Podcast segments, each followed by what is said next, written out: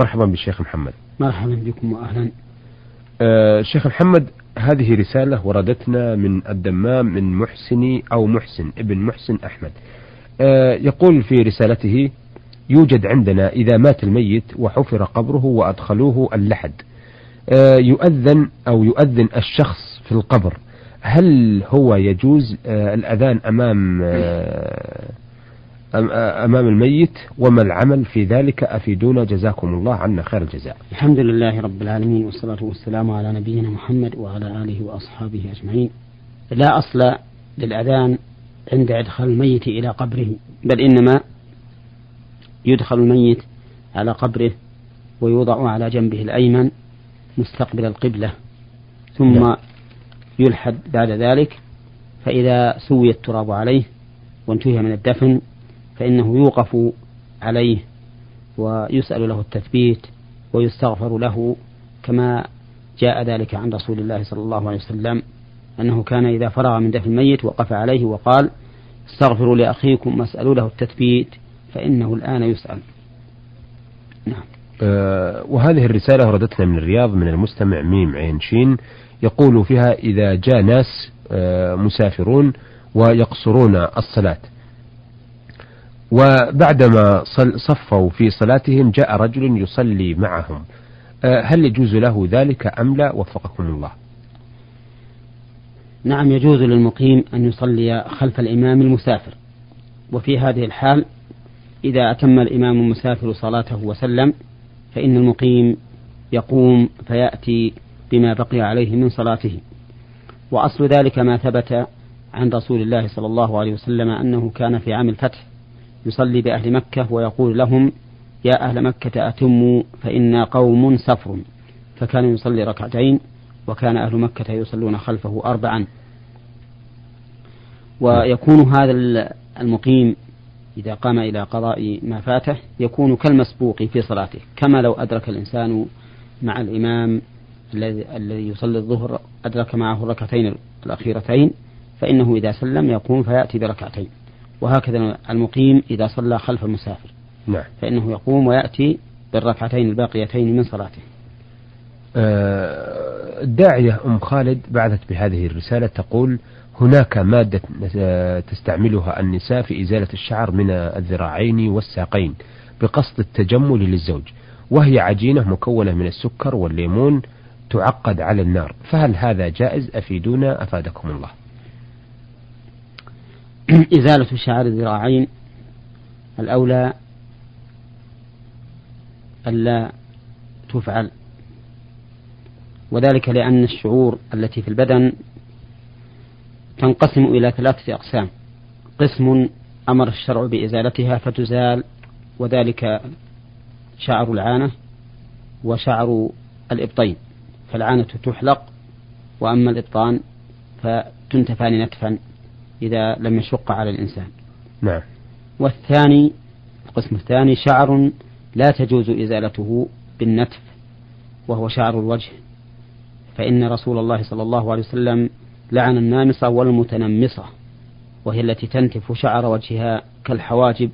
ولو كان ذلك للتجمل للزوج فإنه محرم ولا يجوز بل هو من كبائر الذنوب.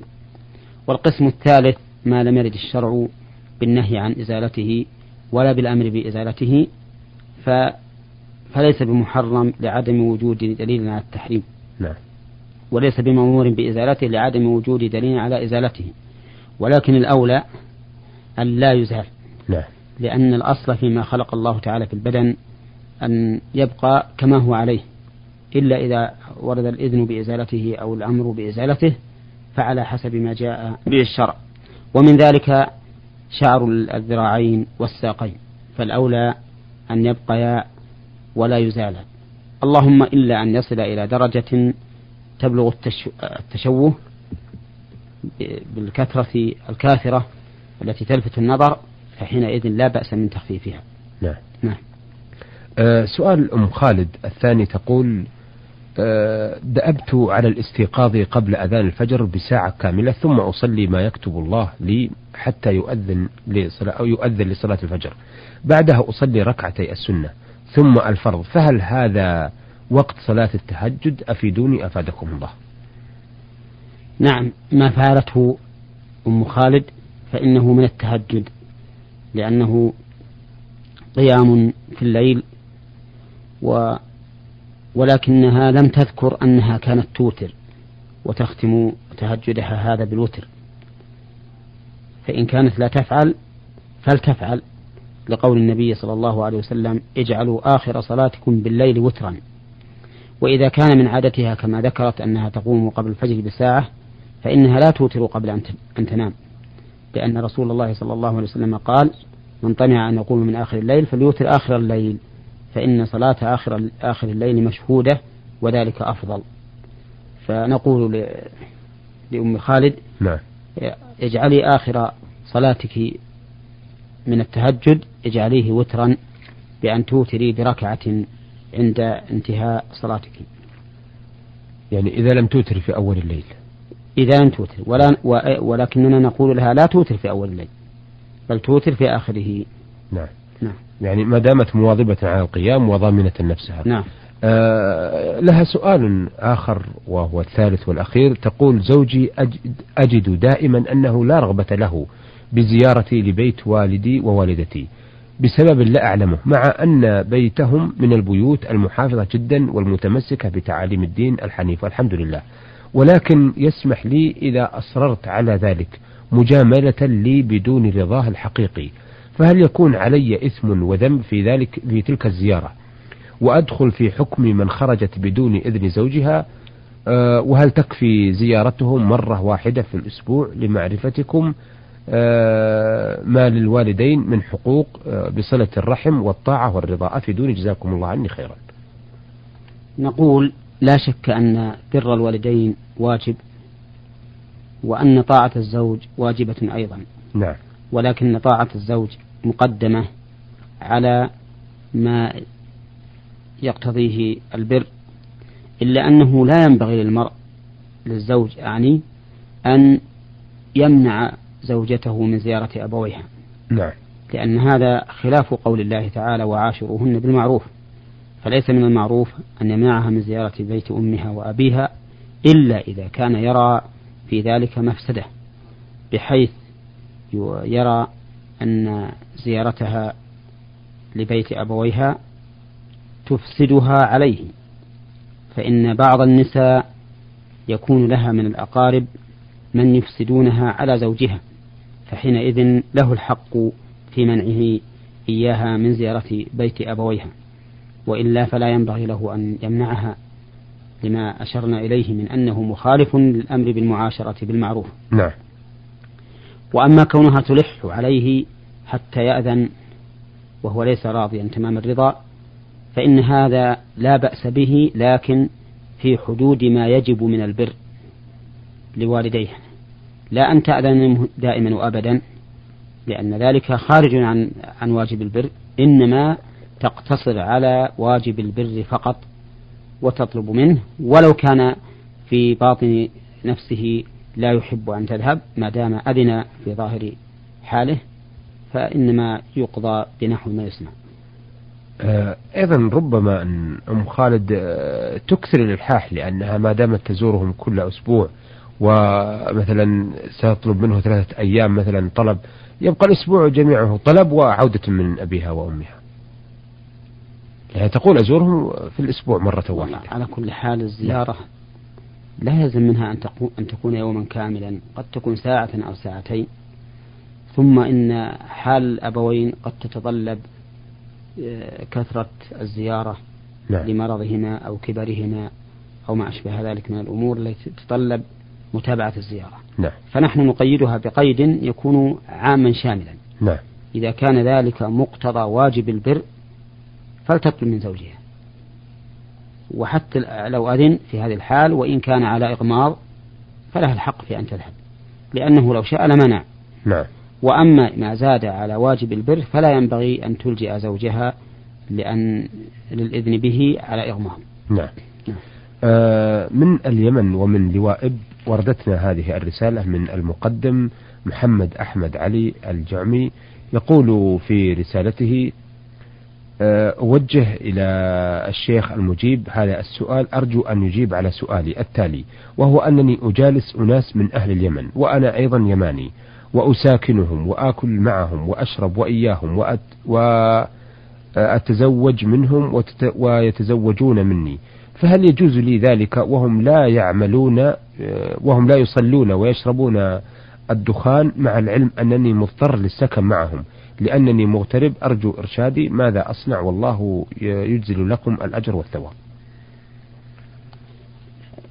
لا شك أن من لا يصلي فهو مرتد عن الإسلام وكافر ويجب على ولاة الأمور دعوته إلى الإسلام والصلاة فإن فعل فذلك هو المطلوب وإن لم يفعل وجب قتله.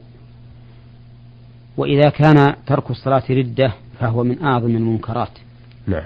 والسكن مع هذا معناه إقراره على شيء من أعظم المنكرات. ولا يجوز للإنسان أن يساكن شخصا مصرا على المنكر لا سيما هذا المنكر العظيم الذي هو خروج وردة عن الإسلام. وكونه مضطرا إلى السكن معهم هذا ينتفي بأن بأن يسكن في أي مكان حتى ولو في خيمة في البر ولا يسكن مع هؤلاء على هذا المنكر العظيم. فإن الله سبحانه وتعالى يقول وقد نزل عليكم في الكتاب أن إذا سمعتم آيات الله يكفر بها ويستهزأ بها فلا تقعدوا معهم حتى يخوضوا في حديث غيره إنكم إذا مثلهم. أي إن جلستم معهم على هذا المنكر فإنكم مثلهم وعلى هذا فيجب عليه أن يبحث عن سكن له يكون بعيدا عن السكن مع هؤلاء. نعم. لكن مثل هؤلاء لا قد لا تنطبق عليهم الآية لأنهم لم يخوضوا مثلا في آيات الله بما يخالف مراد الله عز وجل وإنما تركوا العبادة. أي نعم. يكفر بها ويستهزئون. نعم. يكفر بها. وهذا كفر بآيات الله. نعم. فما دام كفرا وأنا أعرف أنهم لا يصلون نعم. فمعنى ذلك أنني سكنت معهم وهم على هذا المنكر. آه، المواطن عبد العزيز خضر القرشي من مدينة الطائف بعث بهذه الرسالة التي نرجو أن تأتينا منه الرسائل بعد ذلك وهي حسنة الخط. يقول جرت العادة عند بعض القبائل وأنهم إذا ذبحوا الذبيحة ثم ذكر اسم الله وكل ما يلزم. يقولون إذا لم تكن الحنجرة في الرأس فإن هذه الذبيحة تعتبر حرجة وحرام أكلها وإذا كانت الحنجرة رجعت آه، يعني فصلت في من الرأس حل أكلها. رغم أنه ذكر ذكر اسم الله آه، كما في الكتاب والسنة. فهل هذا صحيح أم خطأ؟ أفيدونا وجزاكم الله عنا خيرا.